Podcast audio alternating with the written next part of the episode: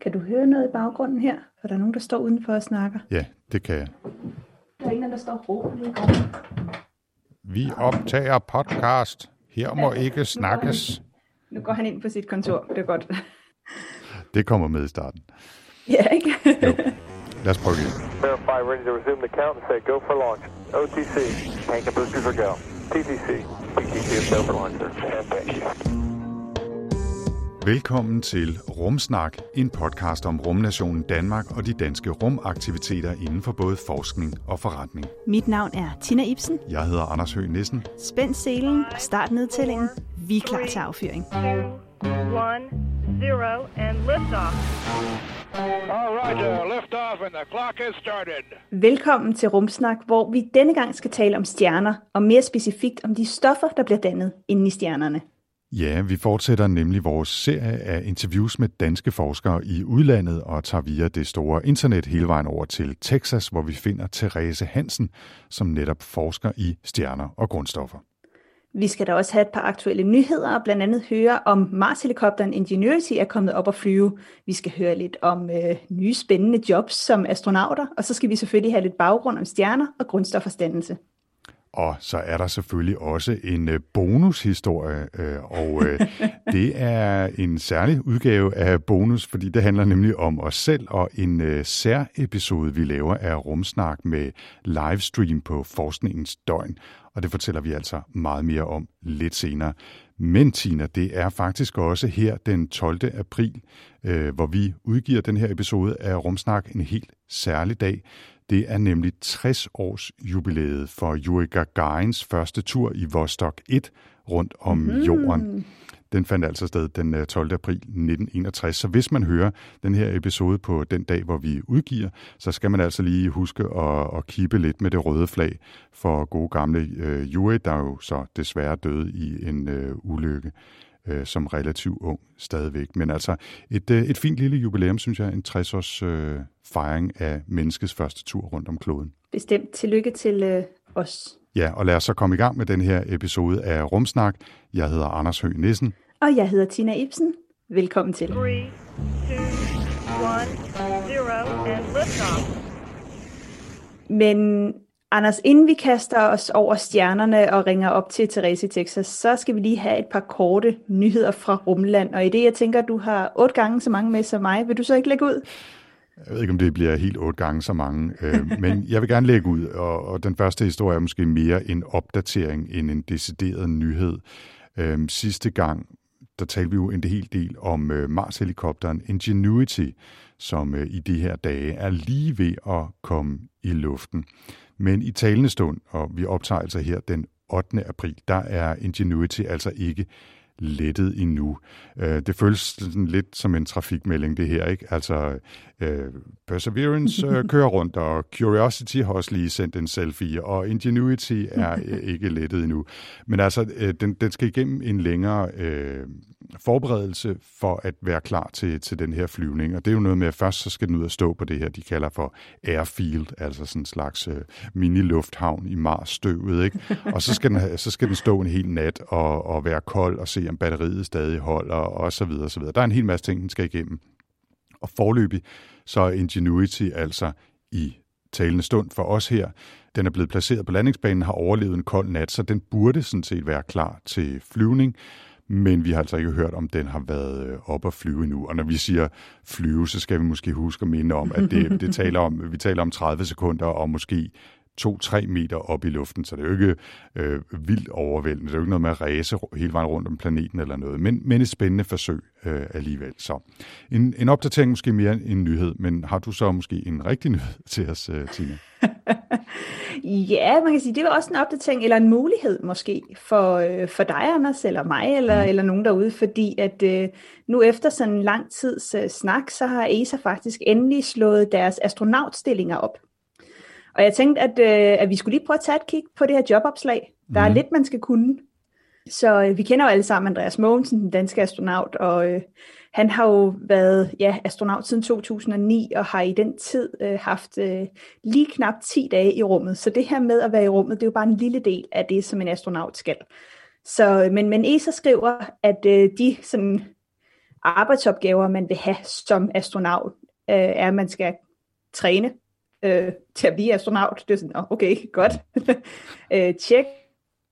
Øh, så skal man kunne tage på rummissioner til ISS, eller ud over low Earth orbit. Og det er jo noget, der er spændende, fordi de skriver faktisk ikke bare, at man skal kunne tage til rumstationen, men også potentielt ud til månen eller, eller andre kloder. Mm. Og det tror jeg faktisk er første gang, at man begynder direkte at skrive det. Øh, det kunne jeg ikke forestille mig stå i jobopslaget fra 2009.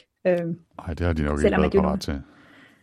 Nok ikke. Øh, så er det sådan noget operating and maintaining onboard system, launch rendezvous, docking and landing operations, og så videre, så videre, alt muligt, der har med de her øh, rummissioner at gøre, og at man skal øh, være villig til at, at lave de her forskellige forsøg og så videre, der skal være deroppe. Så er der kvalifikationerne, man skal have.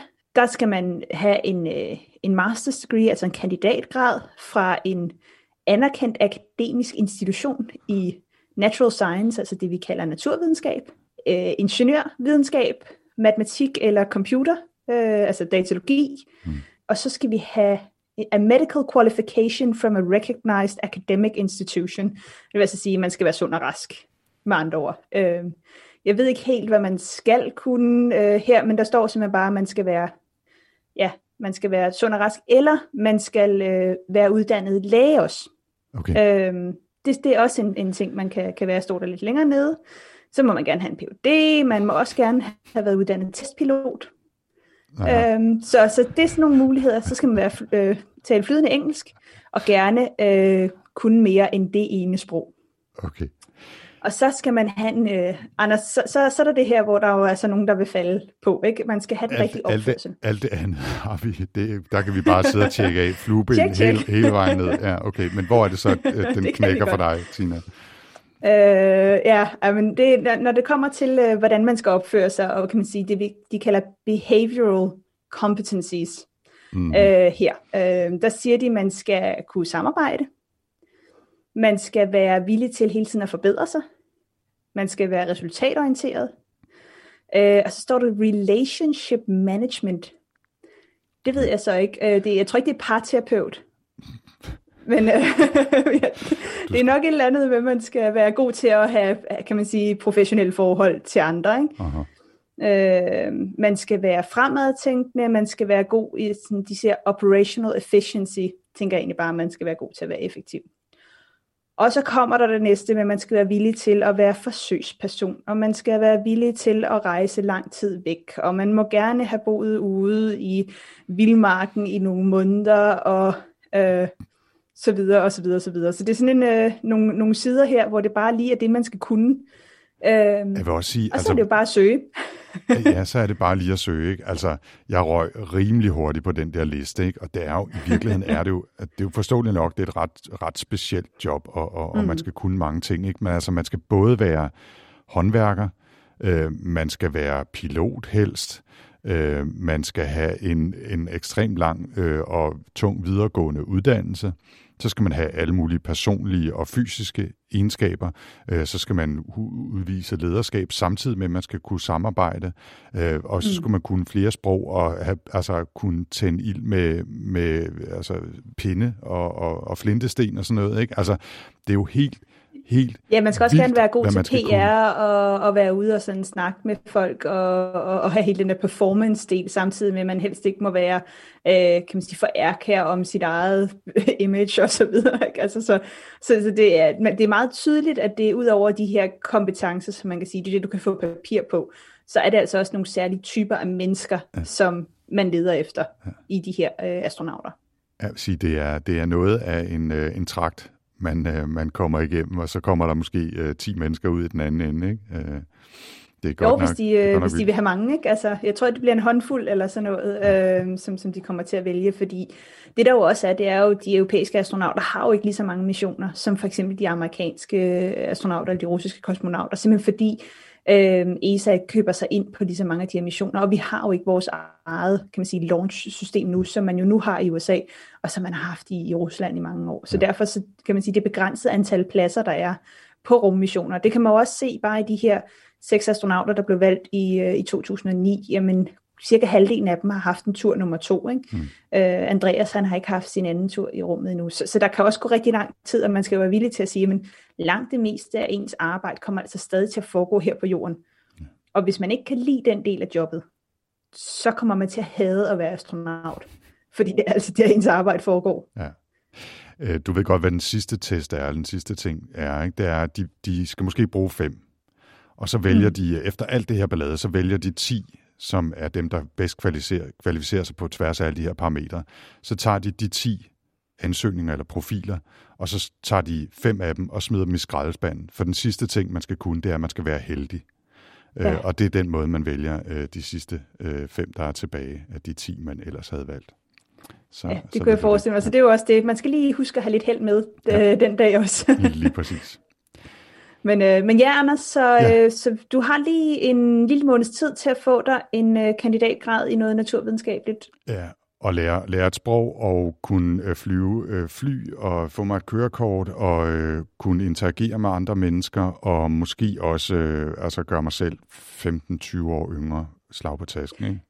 Ja. Jo, jo, men altså, det er jo bare lige det. Og så lige uh, kunne tænde ild. Uh, ild med, har du prøvet nogensinde at tænde ild med sådan uh, en pind og noget, noget flis og sådan noget? Det, det er måske den ene ting, jeg kan overskue og nå i løbet af den næste måned. Et ætte, siger du, men uh, hvis man ikke har voldsomt meget tålmodighed, så er det altså...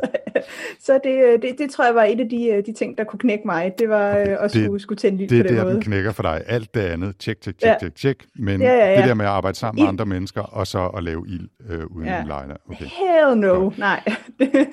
jeg tror, vi skal videre Men, øh, i, uh, i nyhederne. Øh, det tror jeg også. Før, før vi Så bare rolig, Anders. Jeg bliver her på jorden og laver rumsnak med dig. Og det er derfor, du bliver. Det er for at kunne lave rumsnak ja. med mig. Det er, det, det er, er jeg meget taknemmelig for. Ja. Og selvfølgelig at høre din næste nyhed, du har med. Det var en dejlig overgang. Øhm, og igen her, øhm, måske mere en historie end en, en rigtig aktuel nyhed, men det var nyt for mig, som man siger, og derfor så, øhm, så tager jeg det altså med her, fordi jeg synes, det er super cool. Det er en historie, der handler om det rumfartøj, der hedder Solar Orbiter, som jo er et projekt, som ESA og NASA arbejder sammen om, hvor, hvor man sender et, et lille rumfartøj rundt om solen og skal tage nogle øh, helt ekstreme nærbilleder af solen, og forhåbentlig de bedste billeder nogensinde af solstorme og solens polarområder og alt muligt andet. Det kan du sikkert tale om i, i timevis. Men det betyder også, at det her orbiterfartøj det skal kunne klare nogle ret høje temperaturer og virkelig voldsomme mængder stråling, fordi det er så tæt på solen. Og derfor er det i udstrækning lavet af titanium.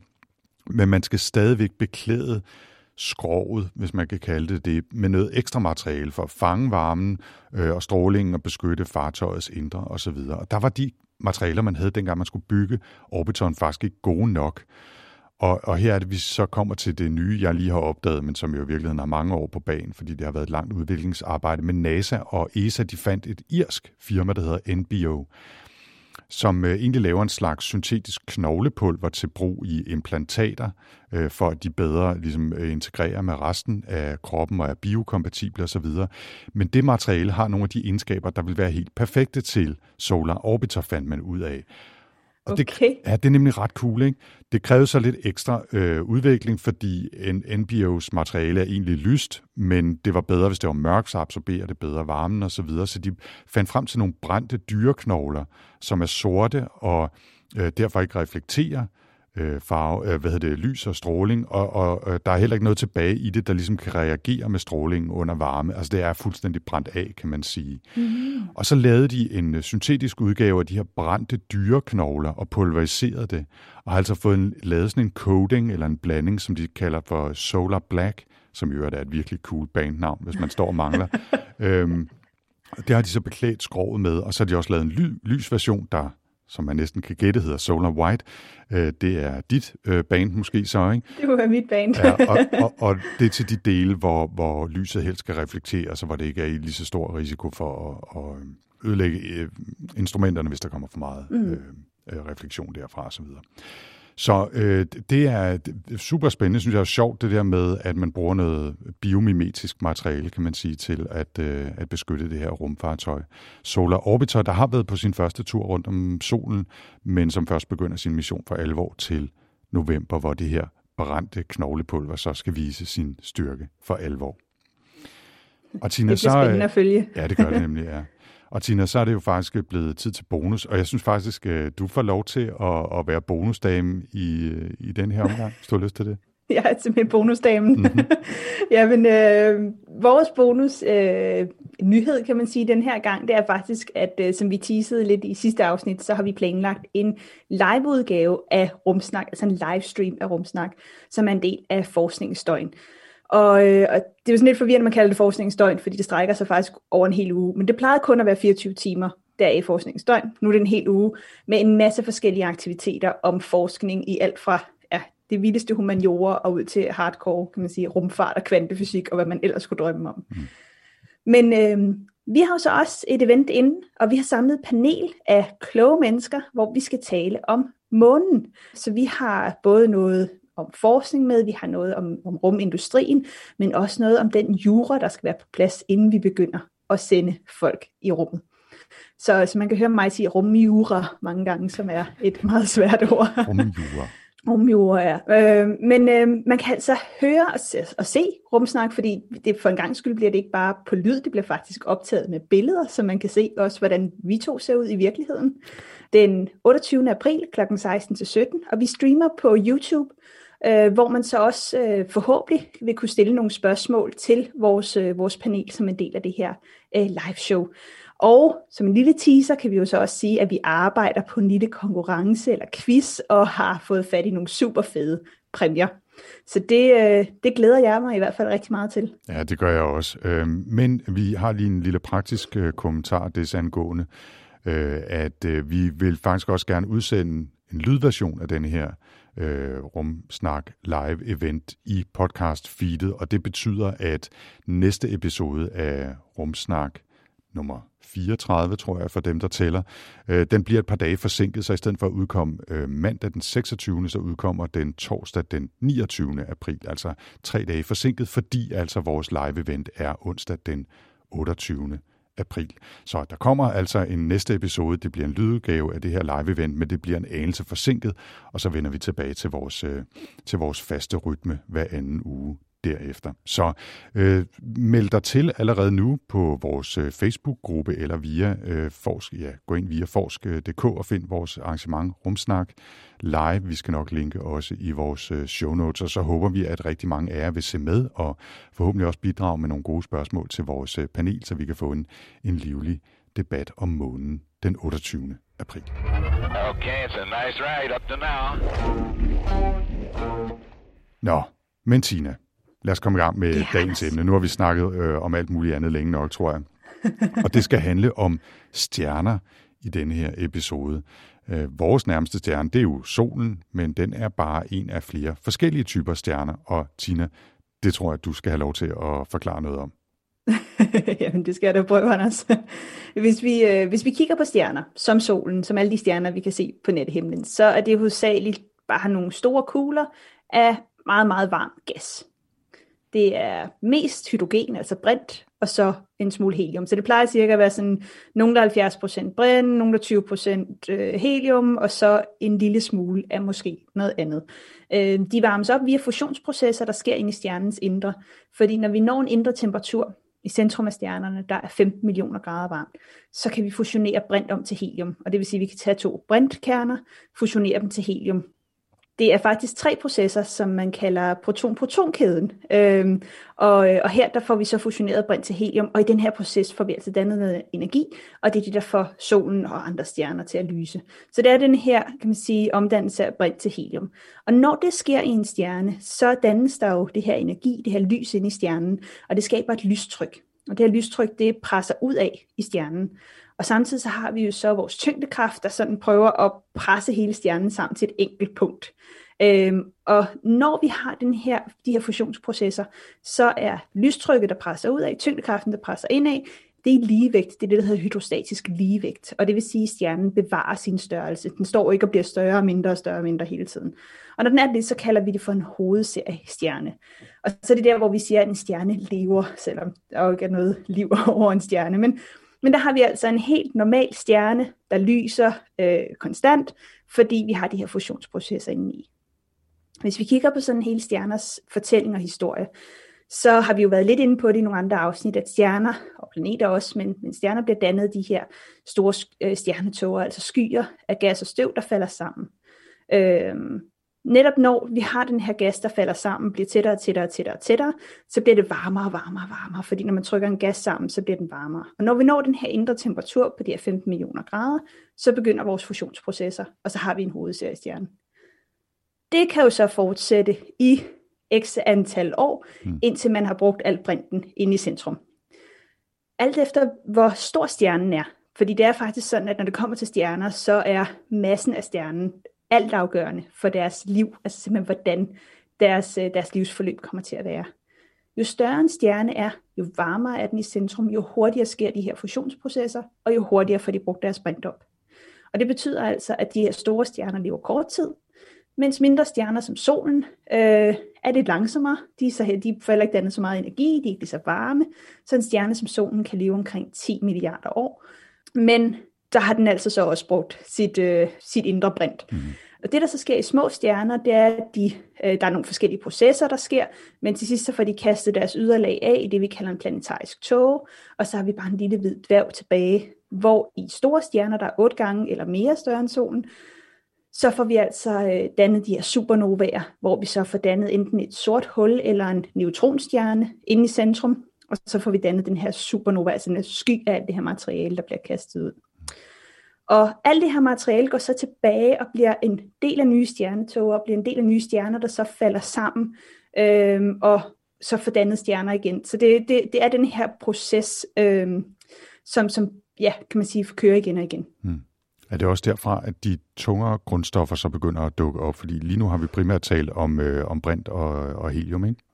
Jo, præcis. Så, så når vi kigger på de tunge grundstoffer, så faktisk grundstoffer op til jern kan blive dannet inde i stjernerne. Så når vi har sådan nogle store stjerner, der er otte gange større end solen, så er det sådan, at de bruger hurtigt deres øh, brint for det fusionerer til helium. Øh, så sker der faktisk det, at så, øh, så stopper fusionsprocesserne, og det betyder faktisk, at det her lystryk, der kan man sige, presser ud af på stjernen, det forsvinder. Tyngdekraften får lov til at overtage, og presser faktisk den her stjerne lidt ekstra sammen. Når den bliver presset mere sammen, så bliver den varmere, og på et tidspunkt bliver den så varm, at helium kan fusionere. Det fusionerer sig til kulstof, og den her proces fortsætter så, til man har fået fusioneret helt op til jern, med simpelthen lystrykket forsvinder, det bliver mindre, så bliver det varmere, så kan man fusionere den næste, osv. osv. Øhm, og så har vi jo så i supernova-eksplosioner, der, øh, der kan vi så få dannet de næste grundstoffer. Og det der sker, det er faktisk, at når man i de her processer får, øh, får dannet nogle neutroner, så er det, at vi kan langsomt opbygge de næste grundstoffer. Fordi når vi kigger på grundstoffer, så er det jo sådan, at, øh, at et grundstof, det er jo bare en, kan man sige, en, en mængde af, af de samme typer atomer. Så alt er bygget op af atomer. Atomer er bygget op af protoner, neutroner og elektroner. Inde i atomkernen, der har vi protoner og neutroner. Øhm, og det er antallet af protoner, der afgør, hvad grundstof vi har at gøre med. Så grundstof nummer et, nemlig brint, det har en proton, grundstof nummer to, helium, har to protoner, osv. osv. Og så kan der være forskellige mængder af neutroner, så der findes forskellige typer af alle grundstoffer, og det er, kan man sige, antallet af neutroner i kernerne, der kan lave de her forskellige typer, men det er stadig det samme grundstof. Man skal gerne have sådan cirka samme mængde protoner og neutroner, plus minus noget, for at have et stabilt grundstof. Hvis man har for mange eller for få neutroner, så får man et radioaktivt grundstof. Og det der faktisk sker, det er, at når vi har vores supernova-eksplosioner i slutningen af en stjernes liv, der får vi dannet enormt mange neutroner. Og det betyder faktisk, at det er kulstof, eller magnesium, eller jern, eller så videre, af de andre grundstoffer, vi har, de bliver bombarderet af neutroner. Og lige pludselig så får vi, lad os sige, kulstof, det er grundstof nummer 6, et, et, et, et grundstof med, med 6 protoner indeni, og ja, 30-40 neutroner måske. Øh, det, det er jo radioaktivt ustabilt. Mm. Og det der så sker, det er langsomt, så begynder de her øh, neutroner at henfalde til protoner og elektroner. Elektronerne bliver kastet ud, det er det, vi kalder for beta-henfald. Øh, og så lige pludselig får vi flere og flere og flere protoner inde i kernen. Og det vil altså også sige, at vi får tungere og tungere og tungere grundstof, og så kan vi få dannet nogle af de næste grundstoffer deroppe af. Der var en lang diskussion om, man kunne få dannet nogle af de tungeste grundstoffer netop her i, øh, i supernovaer, eller om der skulle noget helt andet til. Og der var det i 2017, at man fandt ud af, at der faktisk findes en anden type proces, der hedder en kilonova, hvor vi har to neutronstjerner, der støder sammen. Og her har vi jo så voldsomt mange neutroner. Og det betyder faktisk, at vi kan have nok af de her beta-henfald efterfølgende, til at få bygget de her meget tunge grundstoffer, som guld og bly og platin osv. op. Hmm. Jeg har altid synes, at det var helt vildt fascinerende, hvor hvor lang tid og hvor mange processer, der skal egentlig til for at skabe noget, som vi jo øh, føler, vi har meget af her på jorden. Nu er guld måske mm-hmm. ikke nødvendigvis det, vi har meget af, men, men altså stadigvæk relativt store mængder af guld, og hver eneste lille dame guldmolekyle skal komme et eller andet sted udefra, øh, fra en af de her øh, vilde processer, supernovaer og så videre. Ikke? Mm. Og det, det, er jo, det er jo fascinerende at tænke på, og det bliver jo endnu mere fascinerende, når man tænker tilbage på, på noget af det, som Carl Sagan jo talte om i sin berømte rumserie Cosmos, der kom som både bog og tv-serie i 1980, mm. så vidt jeg husker, hvor han jo siger, at we are made from star stuff, altså vi er lavet af stjerner. Og det er jo lige præcis fordi de grundstoffer, som alting består af øh, her på jorden, og, og inklusiv os, kommer ude fra, fra de store stjerner? Ja, altså jeg, jeg tror stadig for mig, at det, jeg kan huske, da jeg første gang hørte det, jeg tror faktisk, det var en af grundene til, at jeg gerne ville være astrofysiker. Det var den her fortælling, fordi jeg tænkte bare, altså det her er jo bare, det er for vildt. Altså at tænke på også, at, at de grundstoffer, der er i din ene hånd, kommer fra en supernova, som ikke nødvendigvis er den samme som fra den. Altså vi er simpelthen en blanding af alt det her. Ja. Og det er også det, man kalder for det kosmiske økosystem. Altså simpelthen det, at vi får dannet de her tunge grundstoffer, der så bliver en del af en ny generation af stjerner, der så kan man sige, måske kun lever 100 millioner år, eksploderer, altså og så videre og så videre. Ikke? Og det synes jeg er, er noget af det, som, som er super spændende. Og selvom man selvfølgelig har al den her viden, så er der stadig mange forskere, der arbejder på at forstå fuldstændig detaljer, hvor er det de her forskellige grundstoffer egentlig kommer fra, hvad er det præcis for nogle processer, de bliver dannet i. Og så er vi fremme ved øh, Rumsnaks gæst i den her omgang. Det er nemlig Therese Hansen, som er det, der hedder Postdoctoral Research Associate på Texas A&M University over i USA. Hende har vi talt med via det store internet i denne her uge, og her fortæller hun meget mere om sit arbejde med stjerner og grundstoffer. Jeg er øh, Therese Hansen. Um, jeg er født og opvokset i en lille by uden på Nyborg.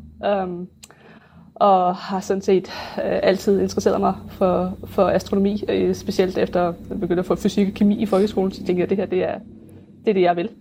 Og uh, jeg forsker inden for stjerner. Jeg kigger på den kemiske sammensætning af stjerner, og jeg prøver på at lære noget om, hvordan de forskellige grundstoffer bliver dannet i uh, øh, kernefusioner og eksplosioner i universet, i det, i det tidlige univers.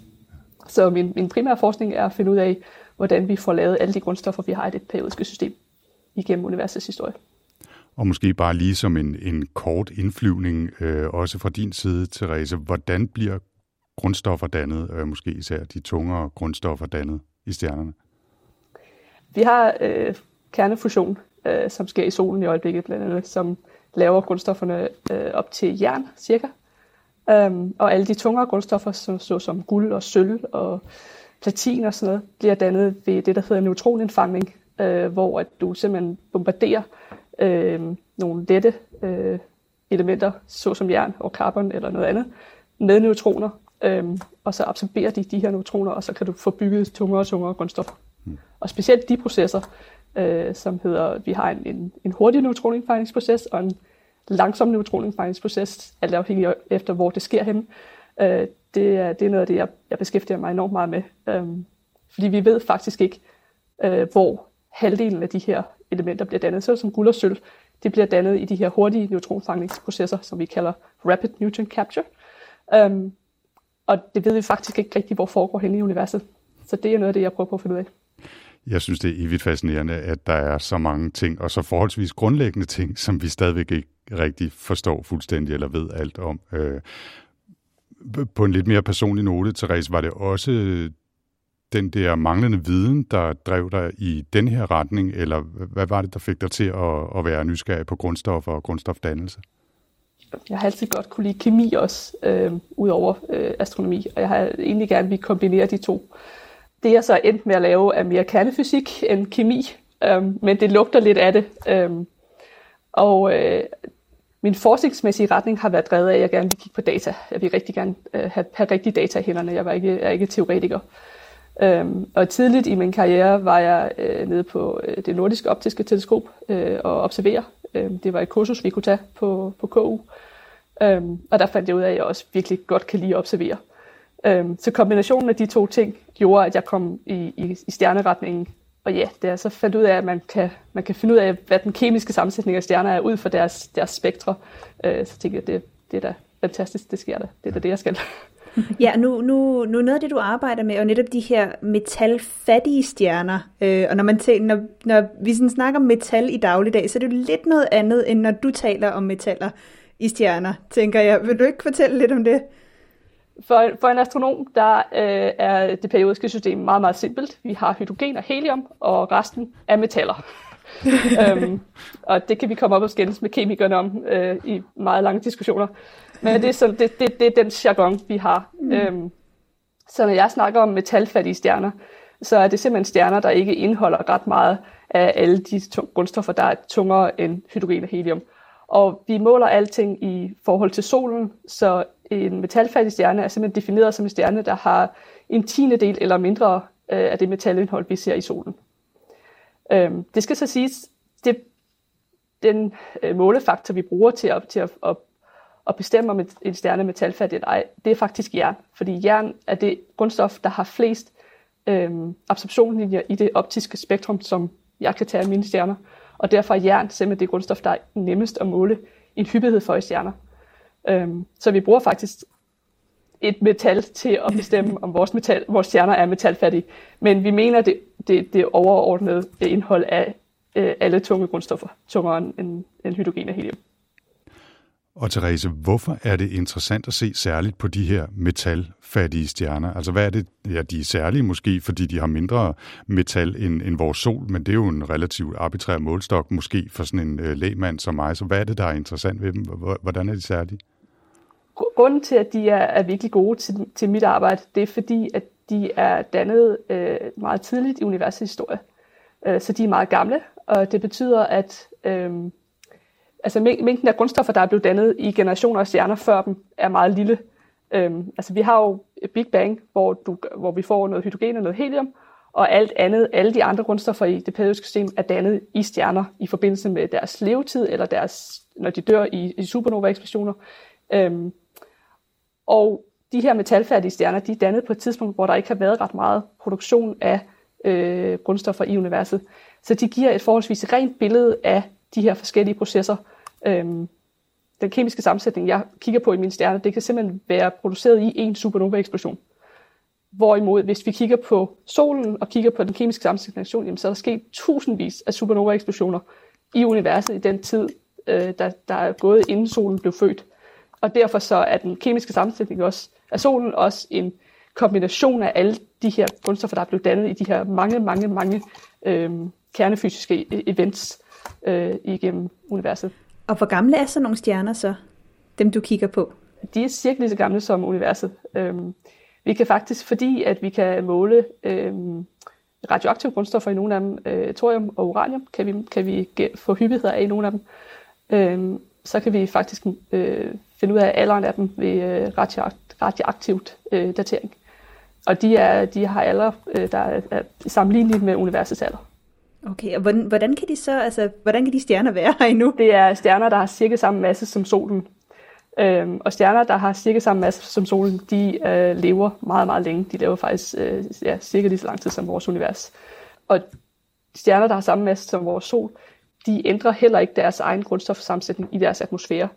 Øhm, hvilket også gør, at når jeg kigger på de her stjerner, så ved jeg, at de grundstoffer, som jeg finder i deres atmosfære, er dem, som var i den gassky, som de blev dannet af. Øhm, der, er ikke, der er ikke sket nogen ændring. Øh, de tunge stjerner, som har lavet de her grundstoffer, dem kan vi ikke se mere, fordi de er, de er væk, de er eksploderet i, i, øh, i supernova-eksplosioner. Så rent faktisk øh, det bliver det, jeg laver, kaldt øh, stjernearkeologi, fordi at jeg kigger på noget langt tilbage i historien, og jeg bruger signaler uh, i gamle stjerner til at finde ud af noget, der er sket endnu længere tilbage. Og for lige at trække øh, krøllen tilbage, vi talte tidligere om, at der var nogle ting, I ikke vidste om, hvor grundstofferne kommer fra. Er der noget af det, du arbejder med, som kan give os ny viden i den retning? Ja, øh, altså et af mine store projekter, det er at finde øh, stjerner, hvor vi kan måle hyppigheder af øh, for eksempel guld og sølv. Fordi vi ved ikke, i hvilket, øh, hvilke øh, astrofysiske objekter guld og sølv bliver lavet. Vi ved, hvilken proces, vi ved, at det er det her neutronindfangning, men vi ved ikke præcis, hvor det sker.